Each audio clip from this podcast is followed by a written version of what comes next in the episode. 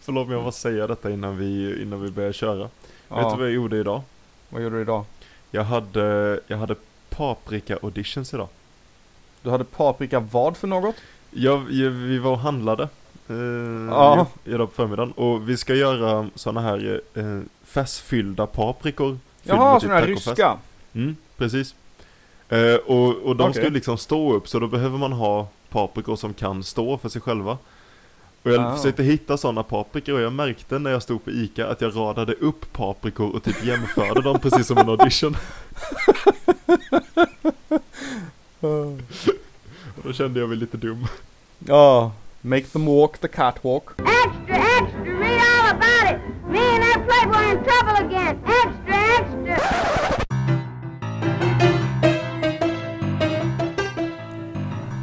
Hej och välkomna kära lyssnare till ytterligare ett avsnitt av En rolig historia. Jag som pratar är Johan Vegas Lindvall. Eh, och jag heter Linus Holt Lorentzon. Och idag så har vi ytterligare ett ämne. Eh, nämligen skräckfilm. Vet du vad jag har kommit fram till, vilket jag älskar? Vadå för något? Eh, det här avsnittet går ut den fredag den 13. Nej! Jo, Åh vad bra! Det där Jag hade jag ingen aning om. Det hade jag inte ens underbart. tänkt på. Det är ju, det är ju klockrent. Snacka om att vara, ja, bra. skräckfilm. Jag är ändå pepp för det här, eh, det här ämnet. Jag Ja. känner att jag har mycket åsikter. Det, det är bra, det är bra, det har jag också. Och jag, Jag, Ja, mm, det, här, det här blir bra. Jag personligen har ju en långvarig eh, kärleksrelation med skräckfilm onekligen. Mm. Ehm, och det, det, det kommer nog figurera lite grann i det här eh, avsnittet har jag en känsla av. Men vi börjar i någon slags början då. vi Ehm, börjar i någon slags historia. Ja, eh, från början då. Ja, nu, nu talar vi ju trots allt om skräckfilm och inte skräck överlag, vilket hade troligtvis ändrat fokus ganska mycket i det här avsnittet. Men om man tittar på Mm. åtminstone en början till eh, filmmediet, om man börjar med fotografi då, Mm. eh, så eh, började man ju någon gång på 1860-talet med någonting som kallas för andefotografering.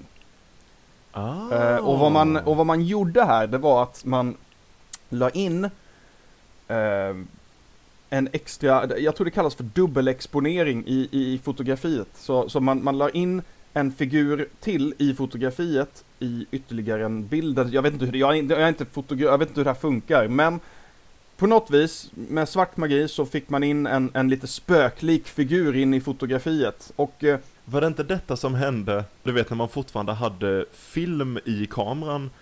Som Mm. vi ändå har upplevt att du hade liksom filmrulle med 25 fotografier. ja, ja, ja. du glömde det- ju precis. alltid hur många fotografier det var, så du tog alltid typ tre för många. Ja, och då ja, blev det väl sån dubbelexponering att Och få det här- två bilder igen. Det är helt rätt och det, det är så här man upptäckte det för att det skedde från början eh, som ett misstag. Eh, och eh, folk började tro att oh, spöken. Men sen så visade det sig att nej men det, det var inte det och det här, är, det här var ju, skedde ju långt efter 1860-talet också. Mm. Men eh, det användes till stor del för att lura folk. Eh, att de, eh, att det var spöken och diverse figurer. Eh, men det var ju inte det egentligen. Men det, det är på något vis en slags början till det här skräckfilms, eller skräck, ehm, eh, visuella medier som en, en, en, ett sätt att förmedla skräck på. Precis som, nu, nu upprepar jag mig lite från förra avsnittet när vi pratade om porrfilm. Mm. Men det hann ju knappt finnas film innan folk började experimentera med skräckfilm. Nej, På nästan olika inte. sätt. Nästan inte. Och, jag tror det att... jag eh, om. Du, att du har väl tittat lite på, om, du, om man tittar på historien då, vad är den första skräckfilmen Linus? Vilken är det? Jag vill säga att den första skräckfilmen eh, är de här filmerna som, vad heter han, Georges Méliès, Ja, det fransmannen. fransmannen, gör i slutet på 1800-talet. Mm.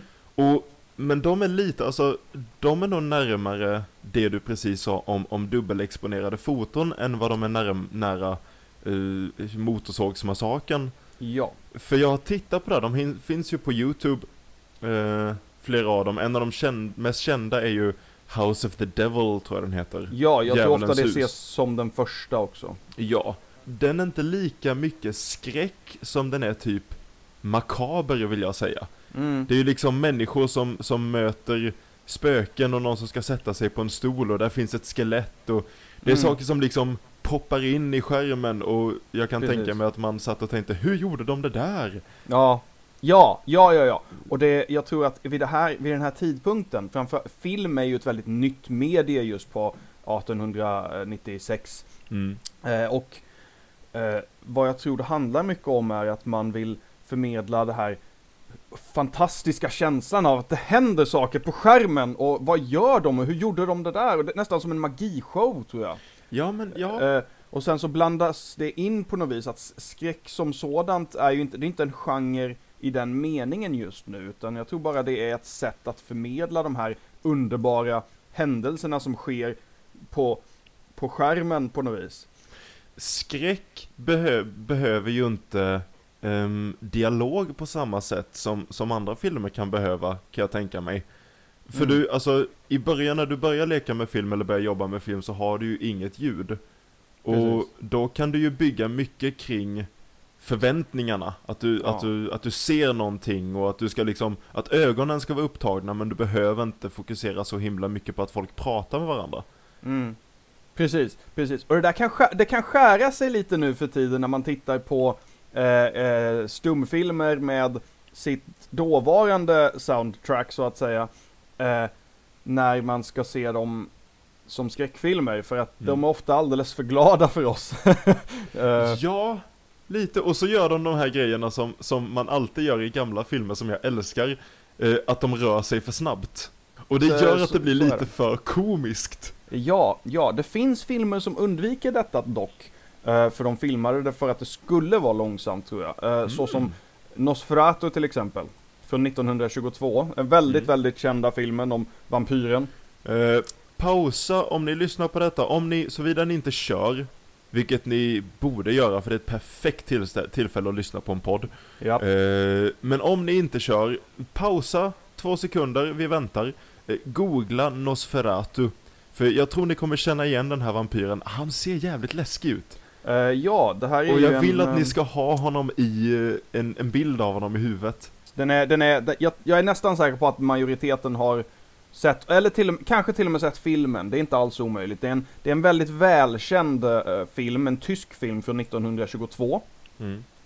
Eh, det här eh, är en av många filmer då som är en konsekvens av den tyska expressionismrörelsen som pågick då och nästan kulminerade på 20-talet.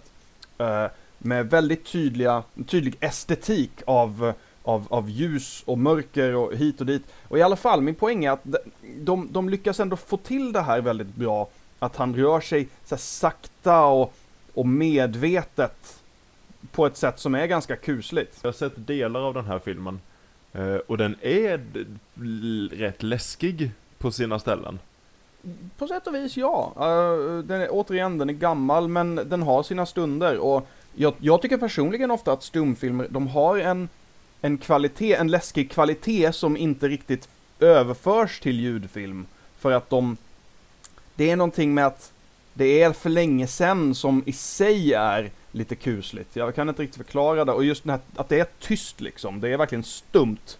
Och Mm. och om man tittar på dem utan något ljud överhuvudtaget så blir det nästan ännu mer kusligt.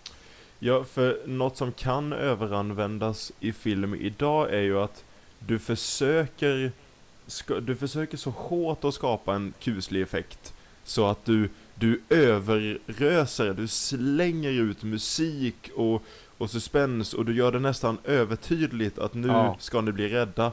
Precis. Och vi är ju väldigt vana vid det. Och även om Mm. vi inte pratar skräckfilm, om vi pratar vanlig film, vilken typ av film som helst, så är vi Ja. vana vid att få massor av ljud. Det är alltid musik. Så Precis. bara du tar bort musiken så blir det lite kusligare.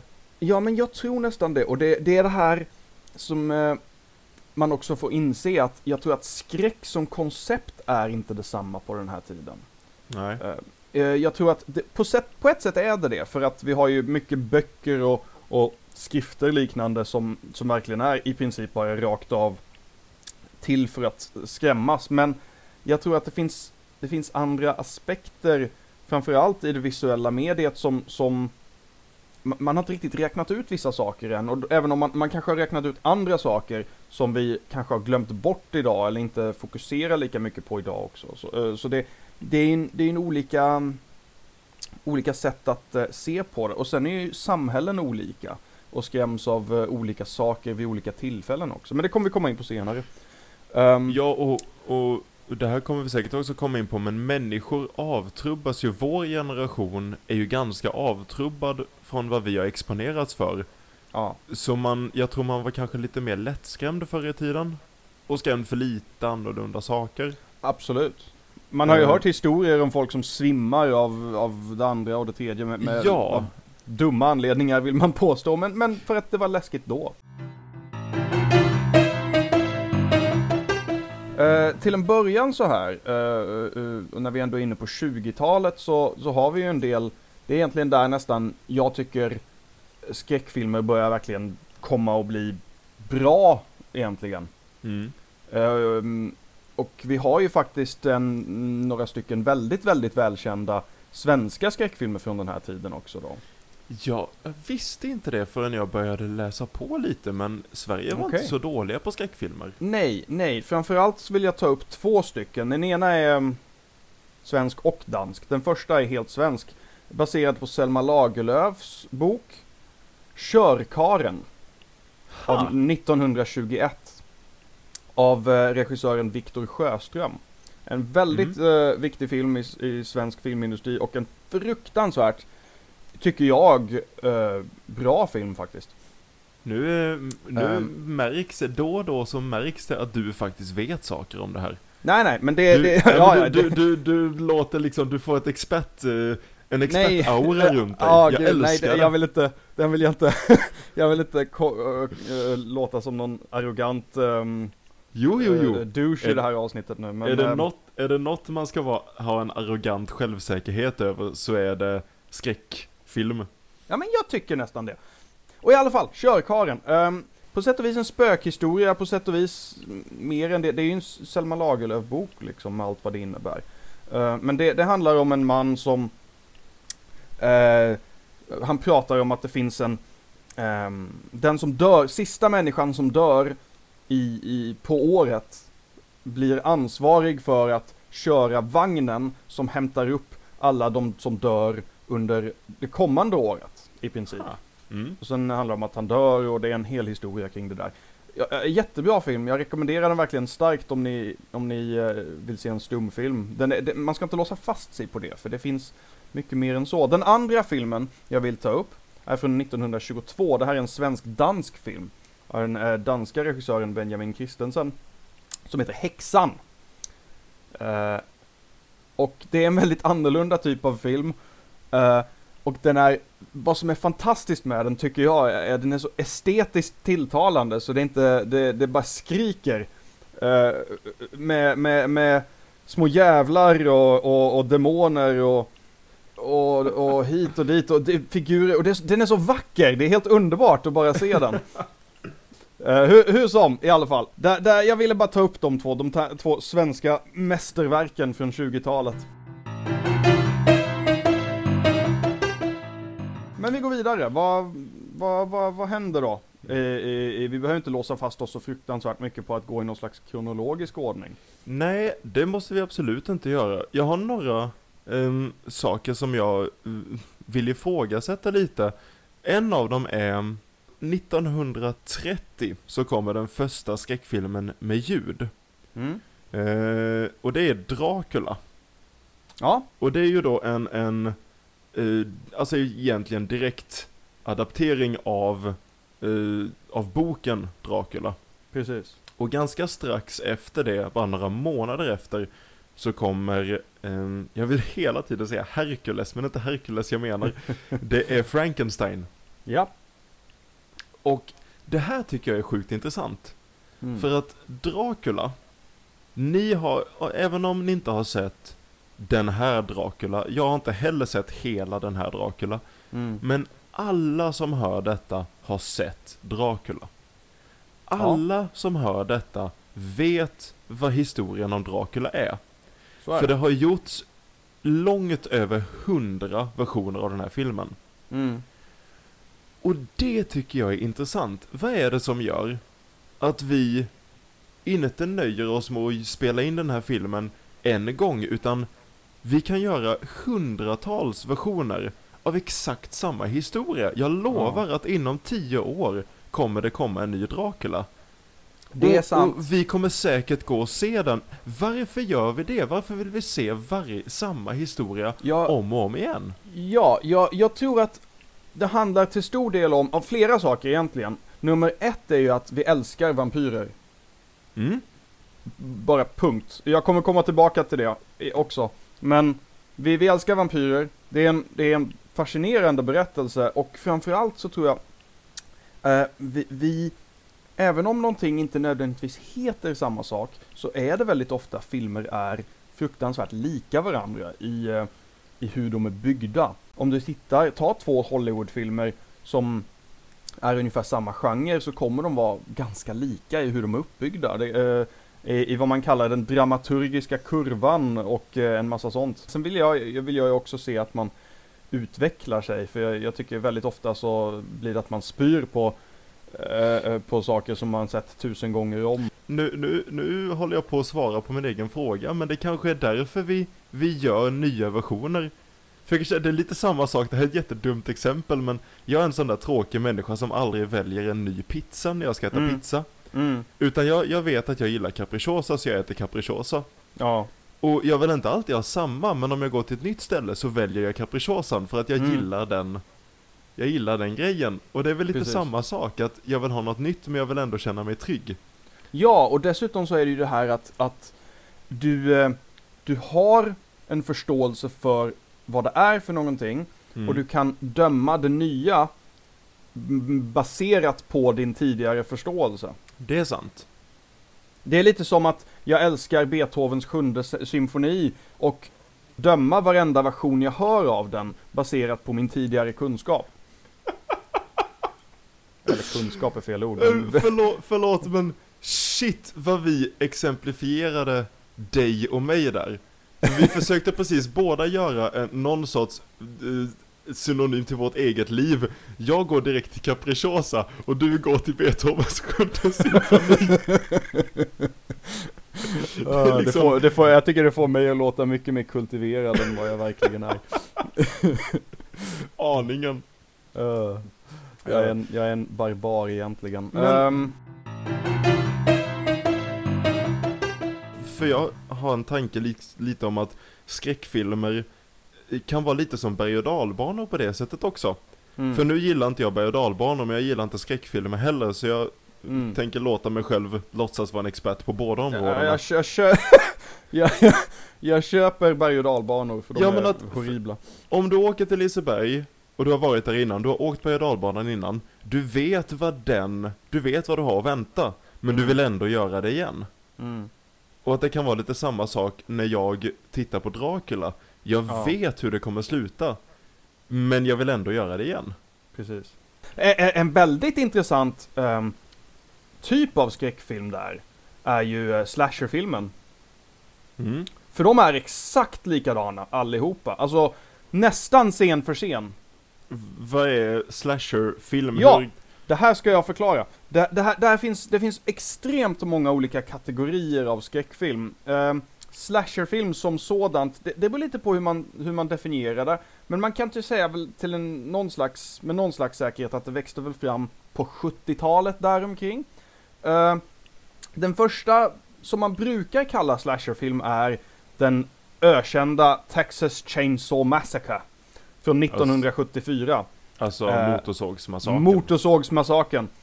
Det som verkligen kommer att definiera hur slasherfilmer kommer se ut det närmsta sig 10-15 åren efteråt. Det är Halloween från 1978. Mm. Vad som händer är att du har en en, eh, en eh, ondskefull eh, figur som mördar folk.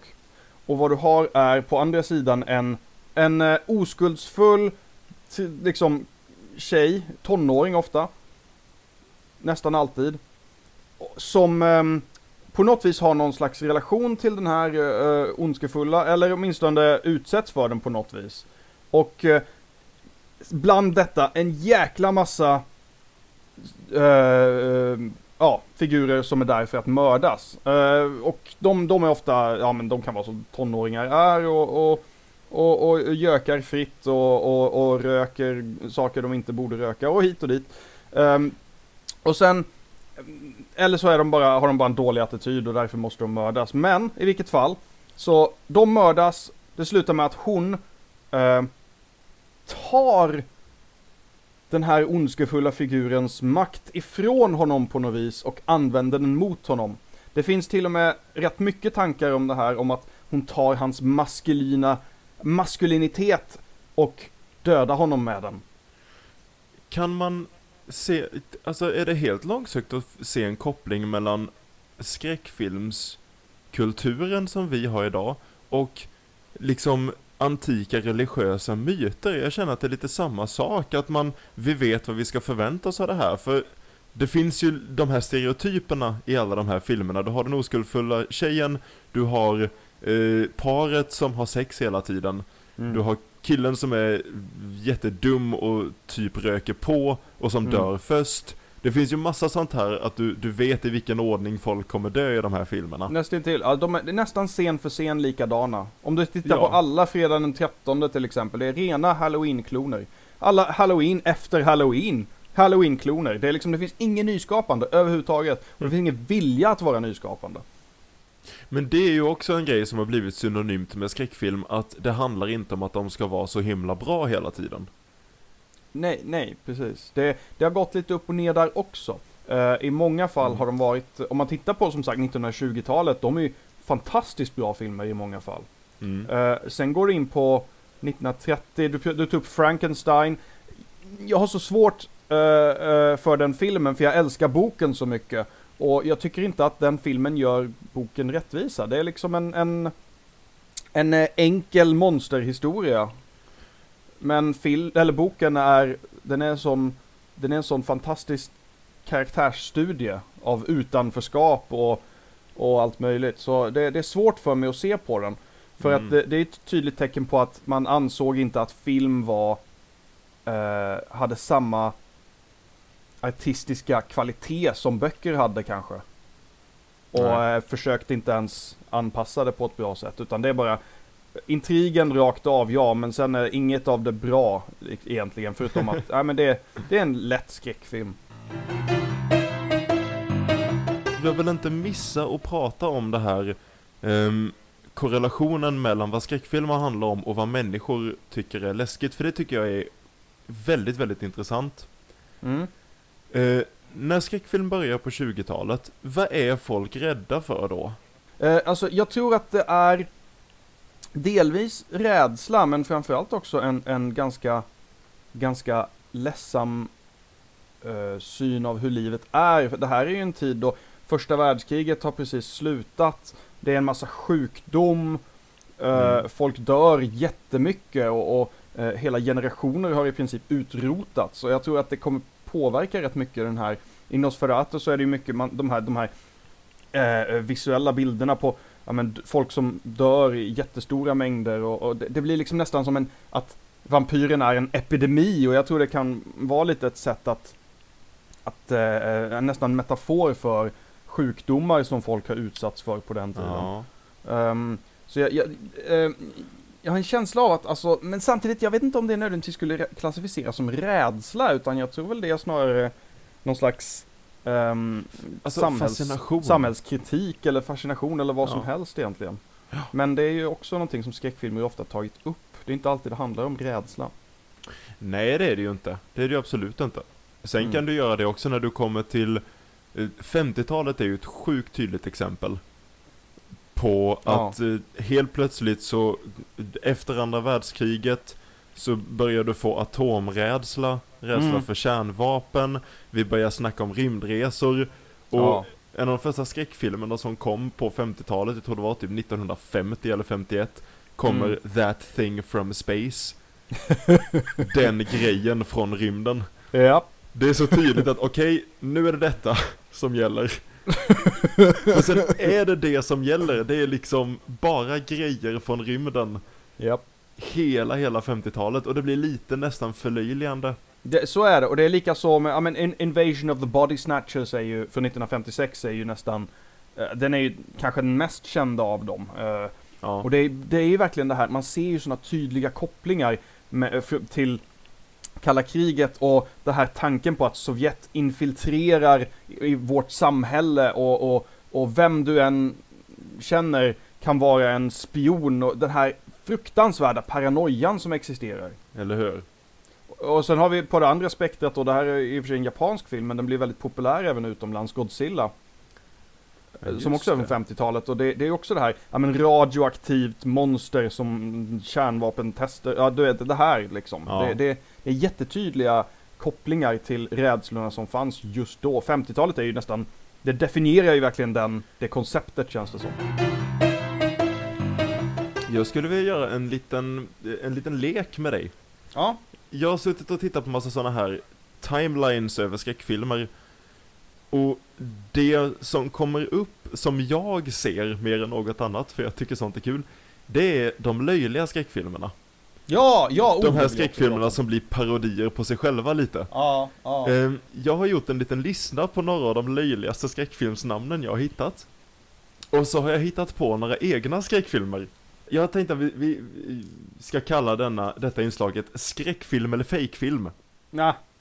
Eh, och jag tar en i taget här, eh, så får du en titel och en liten kort handling. Okej. Så får du gissa om det är en eh, riktig film eller en fejkfilm och ni kära lyssnare får jättegärna vara med. Yes. Eh, vi börjar med filmen They Saved Hitlers Brain. Svensk titel, De räddade Hitlers hjärna. Och den handlar då om att eh, ett gäng nazister sparar, preserverar Hitlers hjärna på en tropisk ö och försöker Mm. sedan återväcka honom till liv Frankenstein-style. Är detta en skräckfilm eller en fejkfilm Johan? Det, här, eh, det här måste vara en skräckfilm. Du tror att den är riktig? Jag tror att den är riktig för att, ehm, alltså det låter som någonting man måste ha gjort. Det är sant, du har rätt, den är, den är riktig. Mm. Ett Nej. poäng. Ja, mycket bra. Ehm, vi går vidare till eh, nummer två. Mm. Werewolves on Wheels. Mm. Svensk titel Varulvar på hjul. Och den handlar då, om den finns, så handlar den om ett motorcykelgäng som möter ett gäng munkar som ber till Satan. Och en av de här motorcykelknuttarna får en förbannelse och förvandlas till en varulv. Skräckfilm eller fejkfilm? Ah, gud. Ge- Grejen är, här är jag osäker. Jag har... Jag, jag vill säga... Jag vill att den ska finnas. Så, så jag säger att den finns. Ah, det gör den! Du Ah! har rätt! Jag Aha. trodde jag skulle få det där med det kristna inslaget, att, att eh, det skulle vara något jag hade hittat på. Nej, bara, Eh. det kändes som en sån underbar handling så jag var tvungen. Vi fortsätter. Eh, den här filmen kom 1971 förresten. Mm. Eh, Werewolves on Wheels. Ja. Vi går vidare. Jag älskar den svenska titeln på det här. Originaltiteln är Murder at Mandy's. Och den svenska fantastiska titeln är Kalabalik på fik. Ett gäng utomjordingar dödar alla arbetare på eh, Mandys Café i USA och tar över deras kroppar. Och därefter går ingen besökare säkert. Skräckfilm eller fejkfilm? Ja, vet du vad? Jag, jag kommer säga... Jag kommer säga fake film för att den svenska titeln är så mycket bättre än den engelska. Det är sant. Men jag blev så lycklig över den titeln. Jag, det är jag, vill, nästan så vi måste göra en egen. alltså jag vill göra denna film, en svensk skräckfilm, Kalabalik på fik. Åh gud, ja. Håll Okej. utkik gott folk. Det där, eh, i, inom de närmsta tio åren så. Skit också, du har, du har full pott. Ah. Okej, vi fortsätter. Um, Okej, nummer fyra. Deathbed, the bed that eats. Det vill säga, dödsbädden, bädden som äter. En säng blir hemsökt av en demon och äter alla som sover i den. Skräckfilm Åh. eller fejkfilm? Ja. gud. Många hade nog, många hade nog velat säga fake-film där. Men, men jag, jag vill distinkt minnas en scen som, där, där en person blir uppäten av en säng. Jag har för mig att det här är i Nightmare on Elm Street som det här är. Och jag kan mycket väl tänka mig att, att Nightmare on Elm Street har, har gett upphov till en hel del ehm, idéer kring andra skräckfilmer. Så på grund av det kommer jag säga uh, skräckfilm. Okej, du har rätt. Mhm. Skit också. Eh, Men det är inte över än, jag har några kvar. Eh, Nästa är Grandma ate Grandpa. Mormor åt morfar. En typisk amerikansk familj i en småstad utanför Maine i USA blir förskräckta när de inser vad som finns i mormors äppelpaj. Nämligen morfar. Åh gud. Oh. Ah, jag, jag, jag, kommer återigen säga att, den är skräckfilm, för jag återigen, om den inte finns så vill jag att den ska finnas. Yes! Det är fejkfilm! Helvete. Bra, bra där, då får vi göra den också. uh, Okej, Eh, är du redo för sista? Ja, The Gigantic Midget. En grupp forskare, Ja en grupp forskare försöker göra en, en kortväxt person, en dvärg, normallång genom ett mutationsexperiment. Som går fel, och den kortväxta personen blir istället 45 meter lång och börjar terrorisera staden.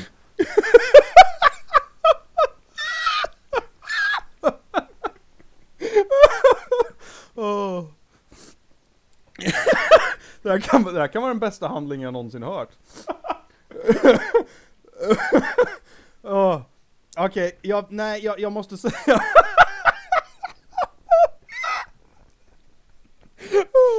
Åh, mm. Ah. Okej, jag måste säga fake film för jag, jag kan inte tänka mig att någonting så fantastiskt finns. Det är en fejkfilm. Ah. Jag Inte nog, med att, när jag säger det. inte nog med att du vann den här leken lätt Johan. Vi har också kommit fram till att du och jag helt klart kommer vara Sveriges nästa skräckfilmsmästare. Kära lyssnare, se fram emot filmer som Kalabalik på fik, Mormor åt morfar och The Gigantic Midget inom de närmaste tio åren. Åh gud. Jag vill hoppa fram till ehm, vad vi kan se för, för eh, eh, trender idag. Zombies har ju varit väldigt inne. Zombiefilmer och zombieserier har ju Ja. varit väldigt, väldigt ehm, modernt. Och alltså de senaste åren, och innan dess var vampyrer inne igen dock. Ja, och det går ofta lite fram och tillbaka. Ja. Det gör det, och det finns ju teorier om det också, att det ska spegla samhällets eh, olika lutningar och hit och dit. Jag vet inte vad jag tycker om det, men, Mm. men det går omöjligen att eh, förneka att vampyrer och zombies är båda väldigt, väldigt lockande i modern tid och har varit ganska länge. Och det är rätt konstigt, eller ja, konstigt är väl fel ord, men det är lite intressant är det, jag vet inte varför. Vad är, det, vi- vad är det vi är rädda för som gör att vi vill ehm, tänka på zombies? Zombies specifikt, jag, jag tror att det handlar till stor del om att se på det finns väldigt mycket utrymme för samhällskritik när, vad det gäller zombies. Ja, okej. Ehm, tror jag. Den första zombiefilmen som kanske kom att definiera hur vi tänker på zombies idag är ju uppenbarligen Night of the Living Dead Ja. från 1968. Fantastisk film uh, av George Romero. Fantastisk film. Eh, och det är ju verkligen det här. Mm. Zombies som vi, vi ser dem idag. De, de, de går runt och äter eh, folk helt utan någon som helst tanke. Och, och det, har ju, det har ju utvecklats väldigt mycket sen dess. Och eh, väldigt mycket av George Romero själv faktiskt. Jag, Men- äls- jag älskar hur mycket du älskar film. Jag älskar film. Det är så, alltså det är så mysigt, alltså jag kan tänka mig att ni håller med Charlie, jag vill inte vara med i samtalet, jag vill bara sitta och lyssna på när du ambitiös och hur, hur entusiastisk du låter när du pratar om film.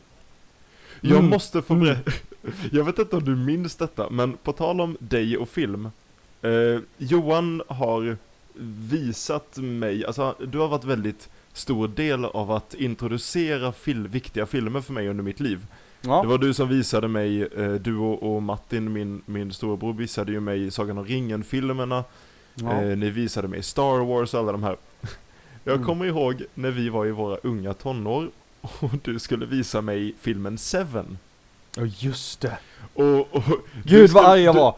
Du, du kom hem till mig, du, du kom hem till, till eh, ja, min familj och så satte vi oss och så började vi titta på Seven som är en jätte, jättebra typ psykolo psy- psykologi, Mhm. skräckfilm, thriller. Ja, verkligen. Och jag verkligen. var rätt trött. Så jag somnade till.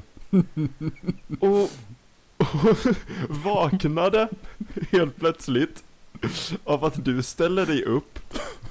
Går och plockar ut, för det här var VHS, det här var en VHS-film. Ja, Jag, har, verkligen. jag vaknar av att du som ställer dig upp, plockar ut VHS-bandet, tittar på mig och så bara vänder du dig om och går. Du säger ingenting, du ser så jävla förbannad ut.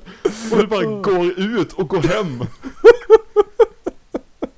Åh, Och jag har aldrig mått så dåligt över att jag somnade. Ja, jag har fortfarande lite dåligt samvete över det där, men jag var väldigt arg, det, det kan jag inte förneka.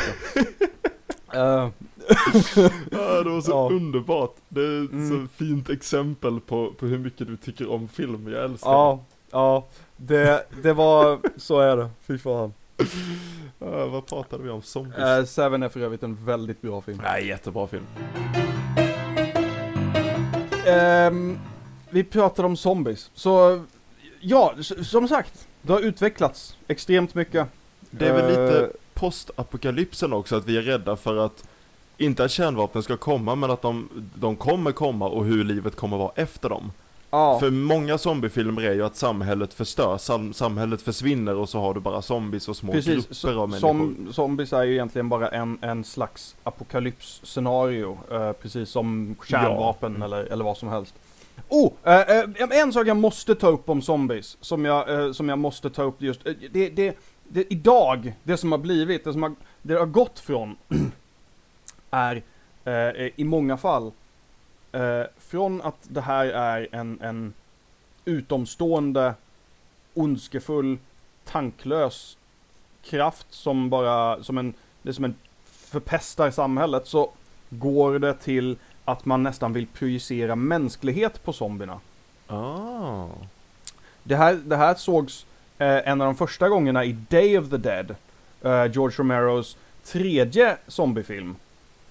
Eh, där det finns en, en eh, bub, kallas den, eh, zombie, som aktivt visar känslor och aktivt liksom blir mer och mer förmänskligad på något vis. Samtidigt som vi har The Walking Dead som, som gör snarare för att, eh, där zombiesna egentligen bara är eh, eh, i bakgrunden och är en pest och det som verkligen är ondskefullt är människan själv på något vis. Ja. Bra, sen har vi vampyrer! som vi ändå har pratat lite om också. Vampyrer Ja, vampyrer har vi pratat om, men vampyrer idag är ju inte vampyrer som i Nosferatu. Nosferatu är ju en gammal, läskig, ondskefull vampyr. Vampyrer Mm. idag är ju oftare glittrande ja, ja, ofta. De, hunkar. det, det, det, det, det har hänt. Det har hänt. Det har blivit en grej. Alltså det som en vampyr kan vara, som en zombie inte kan vara, om du inte har en väldigt, väldigt speciell syn på världen, är ju en sexsymbol. Det är bevisligen vissa, vissa brister i, i, i, i vad du har sett för filmer just nu, för det finns rätt många sådana exempel. men, men jag kanske, alltså jag kan se, jag kan verkligen se tydligt hur vampyren kan vara en sexsymbol för att det zombien vill göra är att äta din hjärna. Mm. Men det vampyren vill göra är att bita dig i nacken. Det är något väldigt sexuellt intimt. Ja, ja, ja. Det är nästan det som en kyss. Ja, men lite så. Jag, jag har ingen aning om vart jag vill komma till det mer än att det, Nej, jag kände det- att det, det, fol- det, det gick bra när vi pratade om sex, så jag vill Mm. komma tillbaka in på det. Ja, men de har gått igenom också en slags sofistikeringsprocess tror jag. Ja. Eh, om man tittar på eh, Ja men om man tar No- Nosferatu i tidiga filmversionen då sen så har det ju funnits eh, eh, flera olika filmer och de har ju gått från monster väldigt ofta till, om man tittar på eh, Interview with a Vampire och övriga eh, Anne Rice-inspirerade filmer. Mm. eh, till väldigt sofistikerade och vackra på ett annat sätt. Och det är ju en, eh, om man tar Twilight-filmerna då, så har ju de spin, spunnit vidare på det på något vis. Ja. Och gjort dem ännu vackrare, till och med till den punkten att de glittrar.